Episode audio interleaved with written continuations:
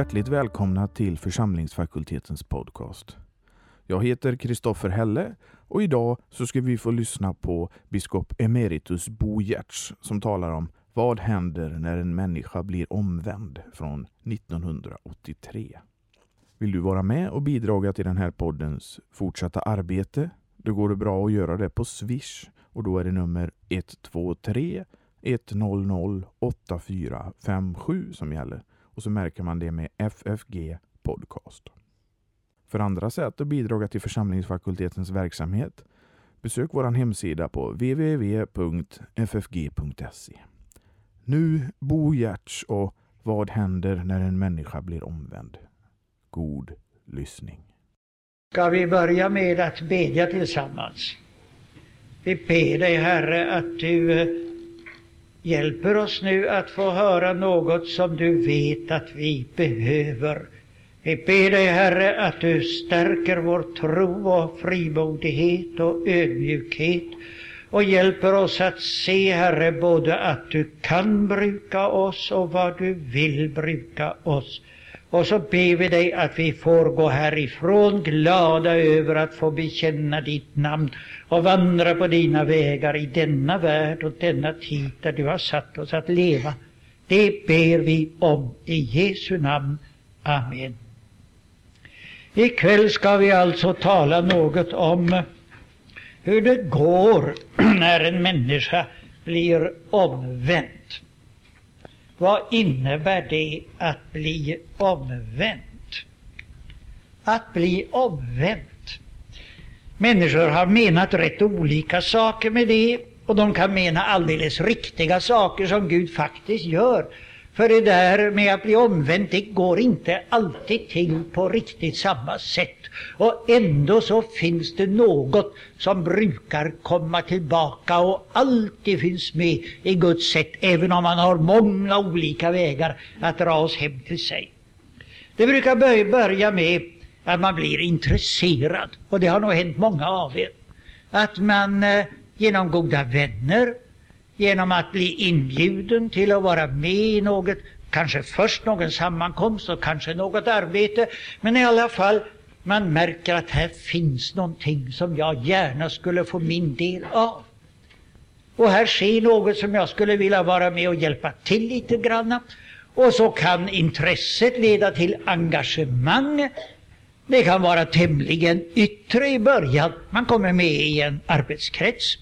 Tänk vad småkyrkobyggena har betytt mycket här i eh, Göteborg för att dra in människor i ett arbete för Kristus som för många av dem har blivit Kristi arbete med dem.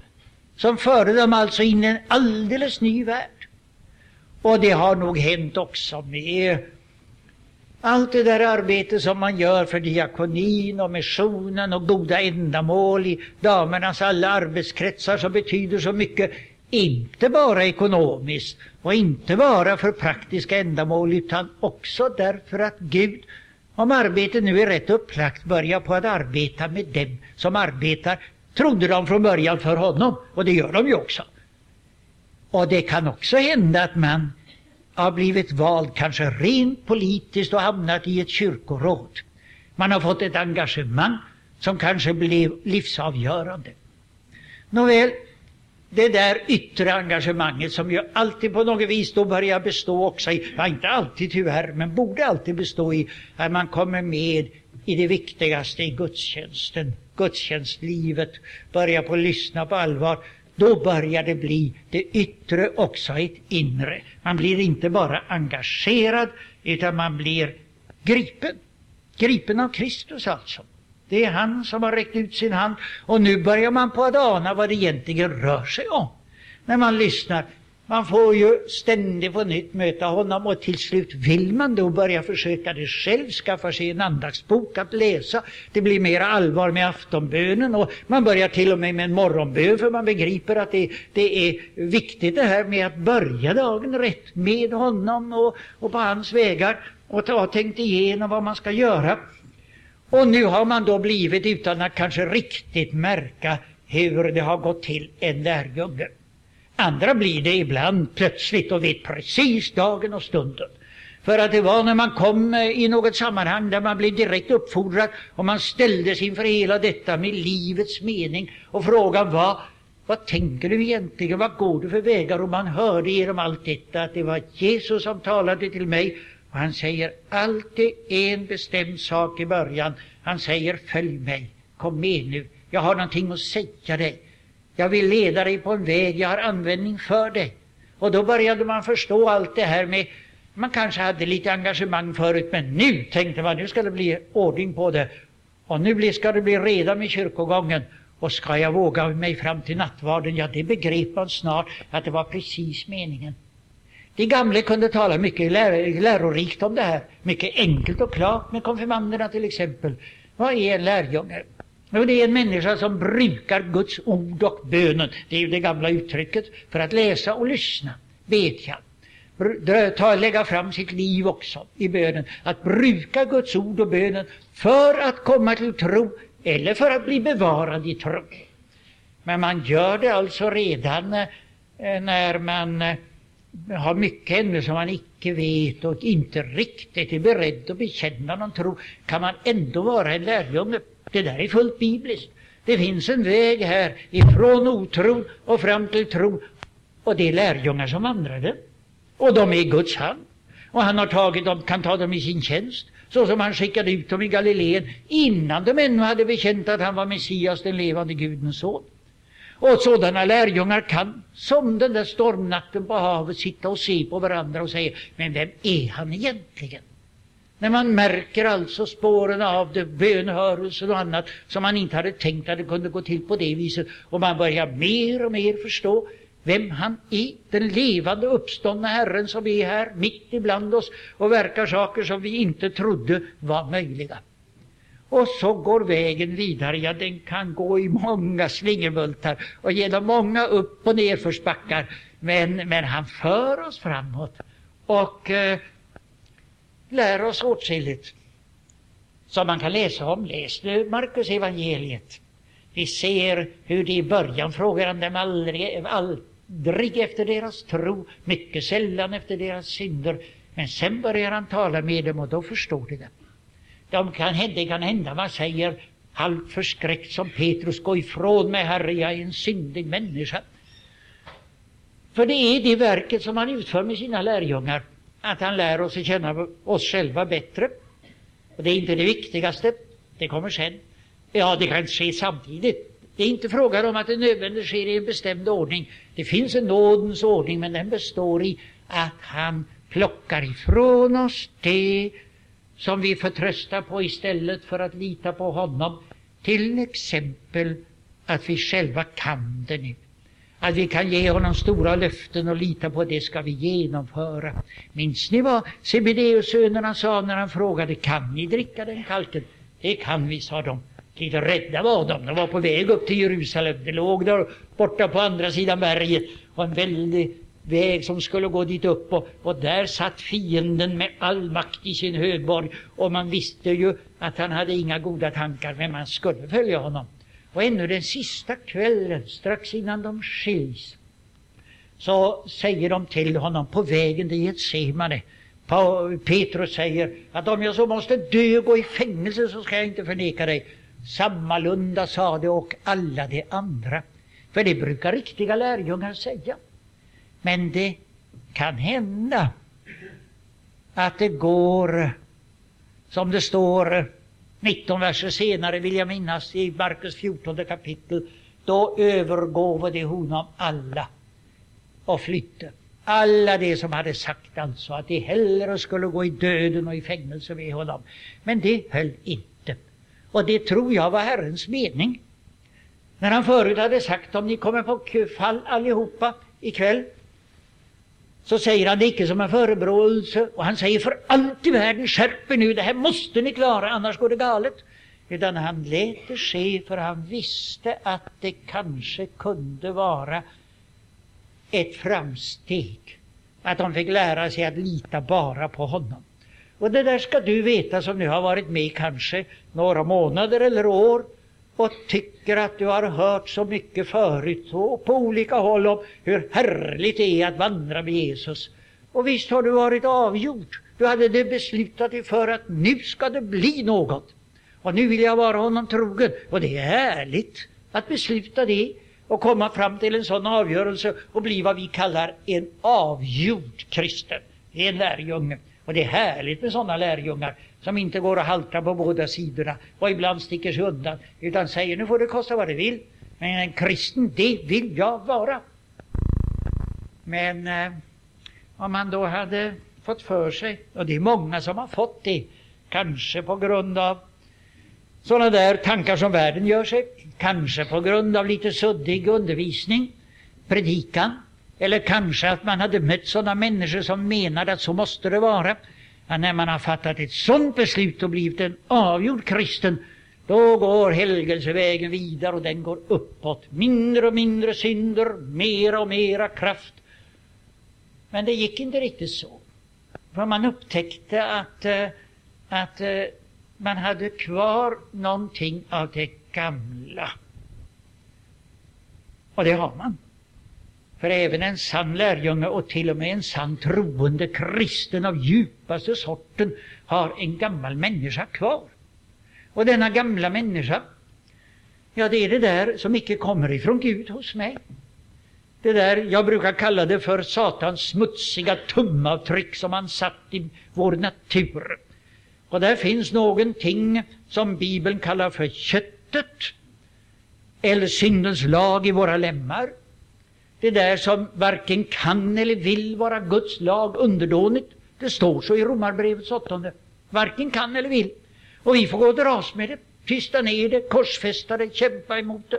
Det står i Galaterbrevets femte att, att köttet och anden ligger i strid med varandra. 5.17 är det. Jag ser att någon skriver upp det. 5.17.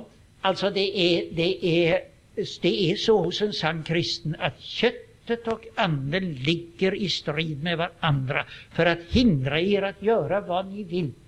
Vill du göra Guds vilja så har jag en trög gammal Adam inom mig som försöker ta sin chans och fråga skit lite på det. Äh, ska du gå dit nu igen? Den här gången kan du väl stanna hemma. Eller när det gäller någonting, ett brev jag borde skriva, och har bort länge, för att det kan vara betydelsefullt. Och då säger han, äsch, på det, du har så mycket annat att göra.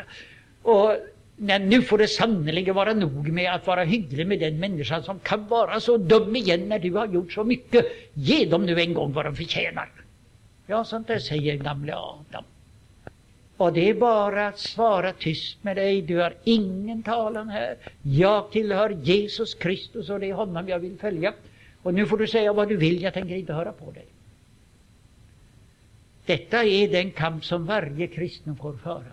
Men det är det som oroar så många när de först upptäcker att det är så. Jag vet ju att jag skulle icke göra mig bekymmer för morgondagen. Jag vet att han sörjer för mig och ändå är det sådana bekymmer med kanske med pengarna eller med flyttningen eller var jag ska få bostad eller och jag går och gruvar mig för det och vänder på det och kan inte lämna oron ifrån mig så som jag vet att jag borde. Det dyker upp igen. Eller det är en människa som jag har svårt med, det kanske är flera förresten. Det är så för de flesta av oss att det är några stycken som vi inte så där riktigt är entusiastiska för. Nja, rent av måste vi säga att vi tycker att de är, och det tycker andra också, truliga och tröga och sura och, och charmlösa och besvärliga med sitt slarv och, och, att de ska låta mig gå här och uh, ordna upp det och se till att, att de här breven kom iväg eller att det blev städat här på bordet eller i köket. Eller, det skulle de ju göra. Och så ska jag behöva ständigt gå där alltså och plocka upp istället. Eller, och det är så mycket annat, inte låtsas om att de har varit ur led och, och, och besvärliga på det här viset, utan ständigt vänlig. Och det kan ju hända så att de får en verklig tillgivenhet för mig och kommer och hänger sig på mig. Ingen annan vill egentligen prata med dem. Ändra för att de pratar så mycket eller för att de är så förskräckligt uh, trumpna och svåra och man vet bara att de sitter och sitter där och man ska dra ur dem ja och nej och försöka se vad det nu är. Jag blir inte glad när jag får besöka sådana människor. Jag vet att man ska ta emot dem och vara vänlig emot dem och de behöver mig.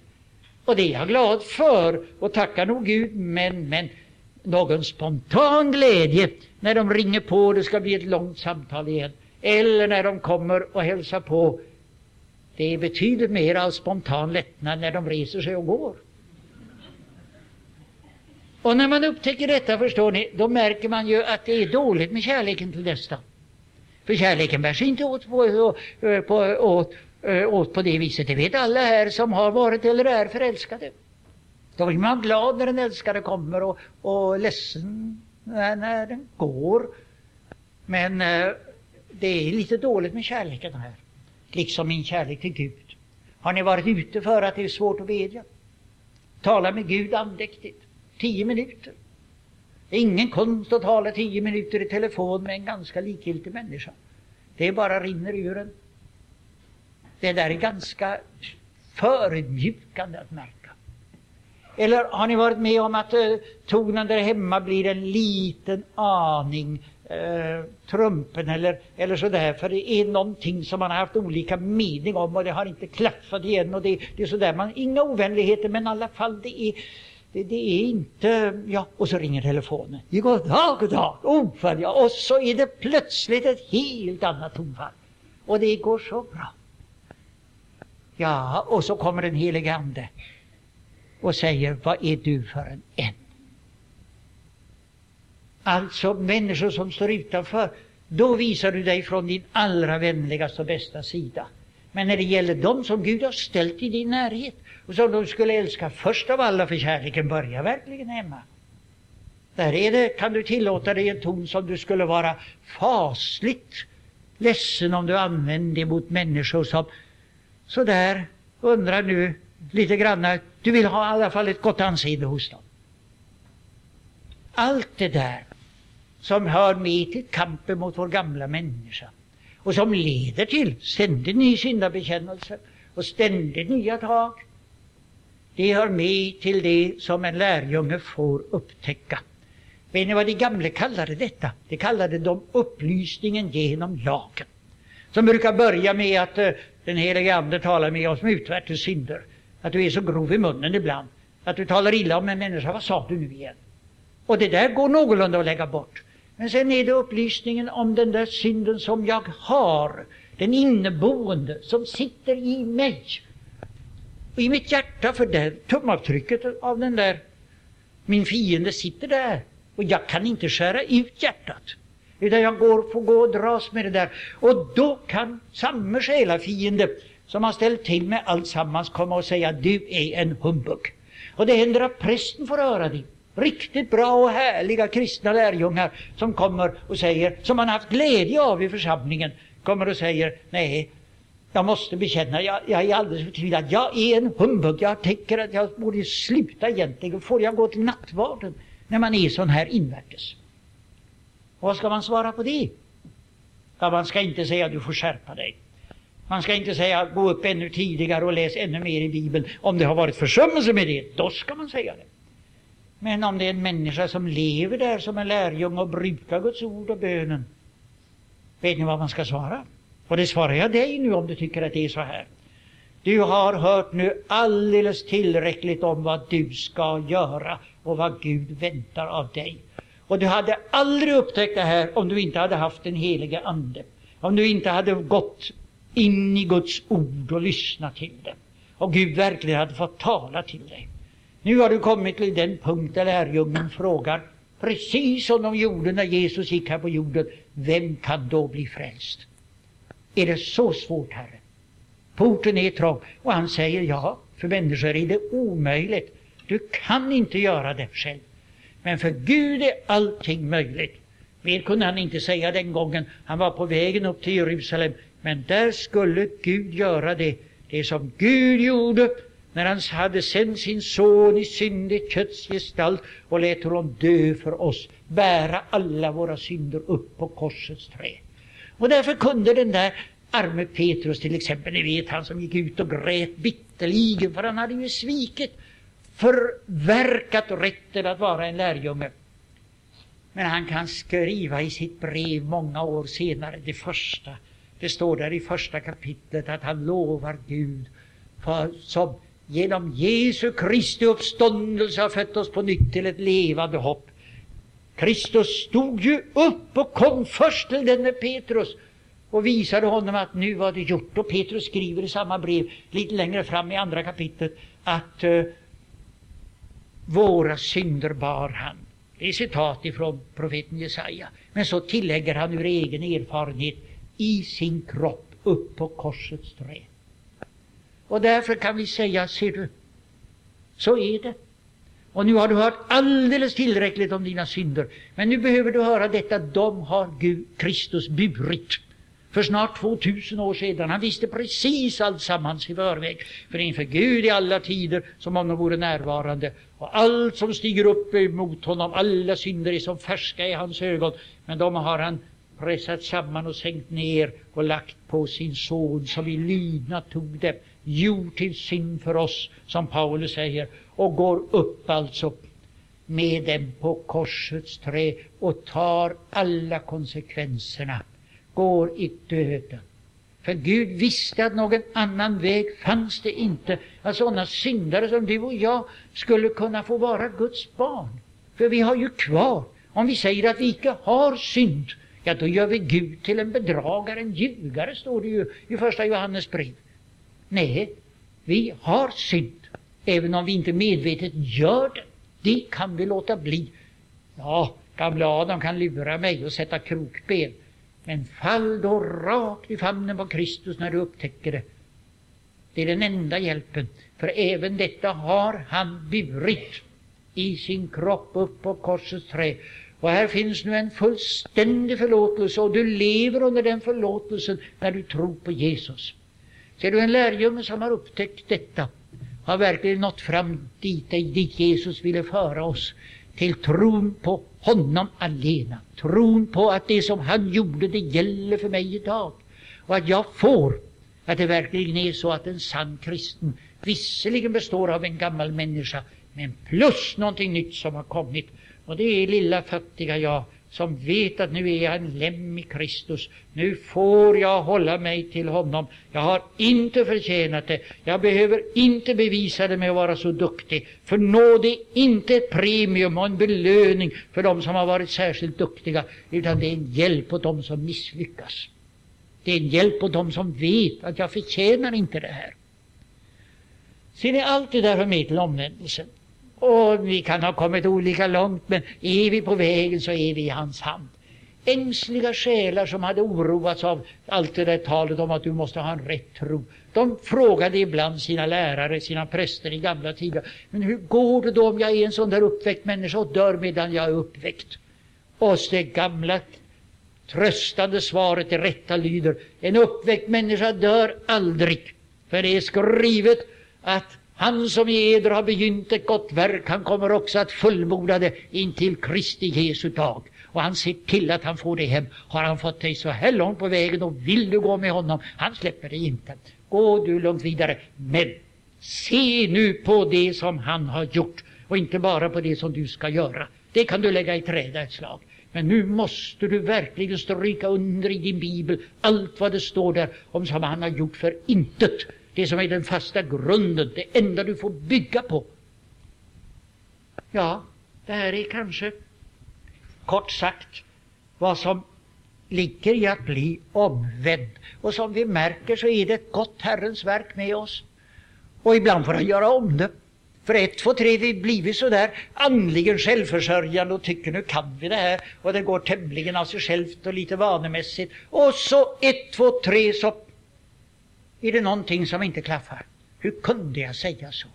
Eller när jag fick detta tillfälle att tala, varför var jag så hopplöst trög och borta? Och, var är jag egentligen? Herre, hjälp! Och så vänder man tillbaka och blir alltid mottagen. Alltid. För det var precis meningen. Och när det går dåligt för dig och du tycker att du misslyckas, så gå till Herren Jesus med detsamma. Då använder han det på det berätta sättet. Och frestaren, själafienden, står där med lång näsa och har misslyckats igen. Han som trodde att nu ska jag väl pilla henne bort, nu ska jag väl få tag på honom. Och så blir det inget annat resultat än att vi faller rakt i famnen på Kristus. Om det är någonting som ska få honom att tycka att det är hopplöst med henne eller med honom, så är det den där vanan att även när det går galet så går vägen till Kristus, till Jesus. Jag behöver honom dubbelt då. No, men nu ska vi tala lite mera om eh, vad som eh, händer då, då. När jag vet detta. Jesus är min vän den bäste. Han har döden för mig lidit. Ingen ska fördöma mig. Alltså, jag vet att det är på honom det beror och jag får vara hans. Det är någonting, vet ni, som följer med detta. Som eh, eh är skillnaden emellan att vara en sån där själisk människa som det kallas i Bibeln ibland, eller en sån där, eh, sån där människa som ännu är en kötslig kristen. Själiska människor har vi gott om, såna där som, som inte fattar det här med Kristus. De kan nog tro på Gud, att han finns, vara gripna ibland, känna en djup stämning. De beder, åtminstone kanske sin lilla aftonbön. Eller någon gång mer allvarligt om någonting har gått galet, barnen är i fara, jag vet inte vad som har hänt, jag är rädd för min egen sjukdom eller någonting annat så kan man be om hjälp. Och får man den så är man tacksam och har snart glömt det. Det brukar vara det vanliga. Eller man kanske ber någon gång om förlåtelse för någonting mera allvarligt. Och då har man kommit betydligt närmare och är nästan på gränsen där man skulle kunna börja vandringen på allvar. Men ofta så hjälper inte det heller. Så är det med den själiska människan. Men, och, de, och så har vi då den kötsliga kristne, den som, så, som eh, så är i den första begynnelsen barn i Kristus, som det heter. Vad som brukar vara utmärkande för båda deras är att man känner inget verkligt ansvar för de andra. Man har ofta den där inställningen, ja men det här med religion, det får ju var och en tycka som de kan. Och det där är, det är stämningar och upplevelser som vi har ibland, eller som jag nu har fått. Men, men det kan jag ju inte lägga mig i vad de tycker. Men när man har blivit en andlig kristen, en människa som förstår vad Kristus betyder och har gjort, då vet man ju att de andra behöver honom också. Det går galet utan honom. Och jag kan ju inte låta människor gå omkring här och inte bry mig om om det går galet för dem.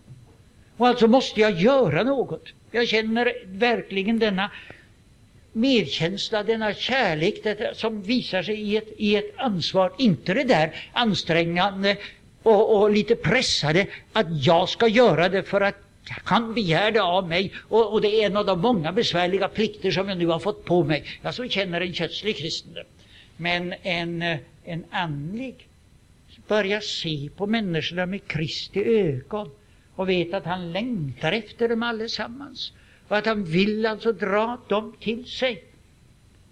Och jag känner alltså att, att de borde vara med i Guds familj. Tänk, allt det som jag har fått är ju till för dem också.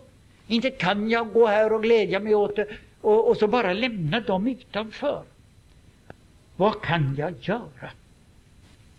Vi ska den sista kvarten här tala lite grann om det. Vad kan jag göra? Och Bibeln säger alldeles klart, jag menar Nya Testamentet, att först och främst ska vi tänka på att de ser på våra gärningar. Och det är viktigt att de är sådana att de väcker respekt och aktning, att, att det möjligen lockar människor att försöka få del av, av detta samma. I andra Peter brev som, första Peter brev som jag redan har citerat står det mycket om det. Till exempel i det, i det, i det andra kapitlet, tolfte versen är det. Där står ni ska föra en god vandel. Leva alltså på ett sätt som i all, på alla avseenden gott och rätt ibland hedningarna, bland de som är, är där utanför. Det ska ni göra. För att de, om de nu i någon sak förtalar er som illgärningsmän, eller kanske som fanatiker eller kanske som löjliga människor, för att de brukar ju förtala oss. Det har ni nog märkt. behöver man bara läsa tidningarna ibland. Eh, så ser man ju det, att med glädje plockar man upp allt som talar illa om det kristna. Men nu ska de istället ta och, och när de ser era goda gärningar, de ska de se med sina ögon, kanske lite häpet, så ska de, eh, så ska de prisa Gud på den dag då han söker dem.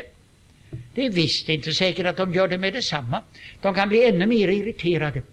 Varför blir människorna där utanför så irriterade? Inte av en dålig kristendom, nu blir de oftast lite mer eh, angenämt överraskade istället och glada. Det var bra att få belägg på det, att de är lika goda kålsupare som vi, de är inte ett dugg bättre. Det där är ingenting att bry sig om. För det är just det som är så irriterande. Tänk om det vore någonting att bry sig om. Man har stukit undan det där med Gud och det vill man slippa. Det får inte komma för nära. Och därför blir man irriterad om man får bevis på det. Och vår kallelse är ju att leva rätt. Och det betyder att leva annorlunda. Världen börjar bli bra lik den som de första kristna levde i.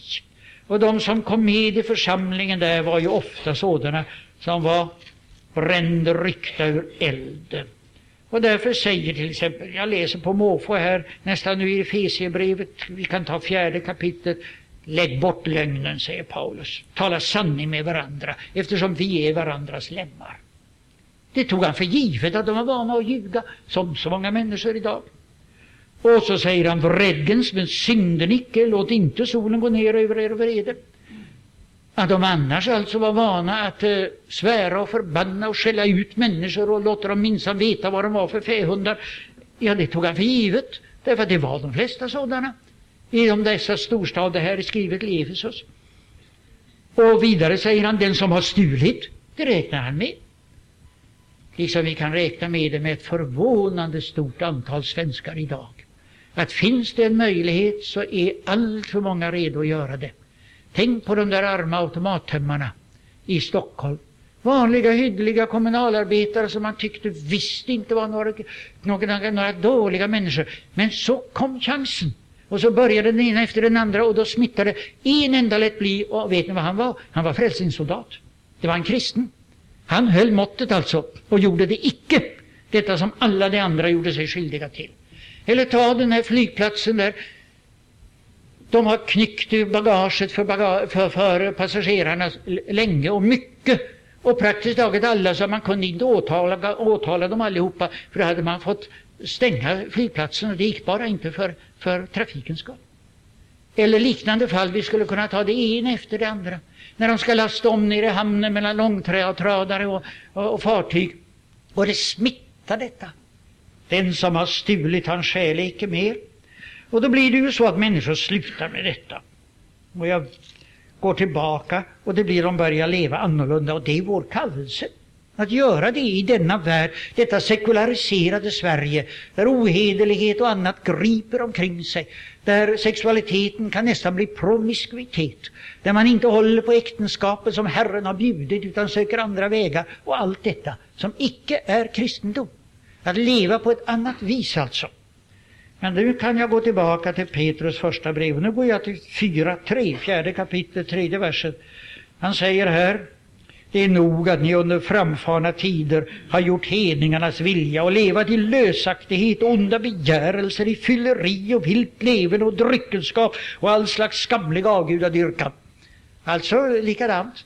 Det hade de gjort och Petrus har samma erfarenhet som Paulus. Varför, så säger han, varför de också förundrar sig och smädar er då ni inte löper med till samma liderlighetens pöl. De förundrar sig, vad är detta? Vad är du för en skenhelig? Ska du göra det till? Ska du hålla dig för god för att vara som en vanlig människa? Och allt detta som en kristen kan få höra på sin arbetsplats. Eller i ett, ett lag av, av, av kamrater när man plötsligt har blivit annorlunda. Men det är en kallelse att vara det. Och då kan det mycket väl hända att de förtalar oss. Men de kommer att tacka Gud på den dag då han söker dem. Till detta är evangelisationens ett av dess medel som man ser att Herren ofta använder. Att människor gjorde rätt där andra gjorde orätt och någon som ändå var av sanningen och gick med dåligt samvete fick någonting att tänka på, försökte kanske slå ifrån sig, spjärnade mot tönten, blev kanske ännu lite mer raljant eller nedrig än han hade varit förut. Men om man då, som du ska göra, när någon är dum emot dig, be Gud om ett tillfälle att göra den människan en tjänst. Att hjälpa den människan med någonting. Kanske när andra är, är, är dumma mot den människan. Att då, då inte ta parti för det som är orätt, men i alla fall på något vis vara solidarisk och hjälpa. Det är mycket sånt där som, som lämnar små spår. Och när Gud har fått göra sånt genom en kristen, olika kristna kanske, kanske under loppet av ett par år, säg tre, fyra, fem, sex gånger som sånt hände, då börjar man på att fråga, ja men det måste vara någonting med detta. Men där syns det ju alltså att det är någonting som verkar. Och jag måste säga att i allt annat elände som jag nu står mitt uppe i, så är det här ljuspunkterna. Tänk om det ändå är någonting. På den dag och så kanske Herren kommer just då och söker dem. De kanske får besök av bara hembesökare eller någonting annat och då är de mogna. Och nu plötsligt märker man att de öppnar sig och då tackar de Gud för det där som hände förut på den dag då han söker dem. Då visade det sig att det var hans verk och den som fick gott av det kan se det. Alltså, det är det första. Våra gärningar måste vara sådana att människor märker här är det någonting annat. Och helst också att de tänker åtminstone längst in i samvetet, ja men sån borde man kanske ändå vara. Men så kommer den stunden när de kommer med frågor. Och här finns ett ord också i Petrus första brev som ni säkert, alla som har sysslat med evangelisation, har stått inför många gånger. Jag bara påminner om det. Att eh, när han säger där 3.14 att skulle ni också få lida för rättfärdighets skull. För att ni är de enda som inte skäl till exempel i det här sammanhanget. Eller lever riktigt ja, på någon annan punkt. De enda som går till kyrkan kanske bara. Till nattvarden. I hela familjen, kanske hela kvarteret. Så om ni skulle få lida för det så är ni dock saliga. Hys ingen fruktan för dem, låt er inte förskräckas. Nej, Herren Kristus ska ni hålla helig i era hjärtan. Och så ska ni alltid vara redo att svara var och en som av er begär skäl för det hopp som är i er, men med saktmod och fruktan och med gott samvete. Jaha, alltså vi skulle vara redo om den där chansen kommer. Kanske i form av en halvt raljant fråga, men ändå jag har känt, på känna att nu lönar det sig. Jo, förstår du, det är så. Jag har upptäckt det och det. Och tala då om något som jag kan säga att vara redo. Ofta kommer de med frågor, spetsiga frågor. Där går man ofta bet, för man kan ju inte veta allt. Och hur svarar man när de frågar hur det går med hedningarna som aldrig fått höra evangelium? Eller varifrån Kain fick sin hustru, eller vad det nu är de kommer med för standardfrågor. Och då är det bra att veta. Men eh, då är det, då är det allt bäst att eh, om man går bet första gången inte tappa modet. Det har jag gjort många gånger. Utan ta med sig frågan nästa gång när man är samlad i samtalskretsen eller bönekretsen eller bibelstudiekretsen och säga Hör ni, vad, vad svarar man då?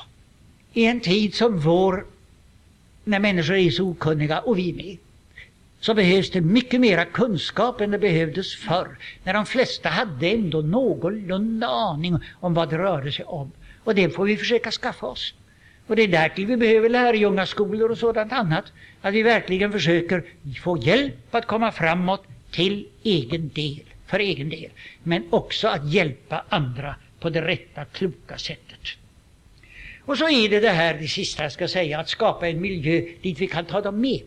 För det bästa argumentet är när människor kommer med anmärkningar, det vet ni alla, att säga som eh, Filippus till Natanael, kom och se, kom med ska du få se. Kom med mig, vi samlas då och då, vi brukar tala om sånt här. Eller hur, vi har en upptäckargrupp, eller vad man nu kan säga. Men att vi på något sätt går att ta med en nybörjare. Vi lever tillsammans på ett sådant sätt att det går att ta med en nybörjare. Och det är en mycket viktig sak i våra församlingar, där vi alla ska vara med. Man kanske rent av kan skapa något liknande med samtalsaftnar i sitt eget hem. Man kan skapa det genom att ha samtalsgrupper och, och vara trogen med där och planlägga det klokt och göra upp att nu har inga sura miner om här kommer nu någon som, som eh, är lite främmande och ställer dumma frågor. Men bäst är det ju om man kan ta hand om de där nybörjarna på egen hand som jag vet att många av er har varit med om att göra. Men vi måste försöka våra, få våra församlingar att fungera så. Och att även högmässan, det är ju det viktigaste av allt att få dem, och nattvarden blir fylld av den ande som bara finns där det finns bedjande människor, goda människor, människor som har öga för de nya som kommer. Om det är någon som man känner, söker upp dem efteråt och pratar med dem och säger Hej på dig, roligt att se dig här idag. Och jag får göra lite sällskap och så vidare.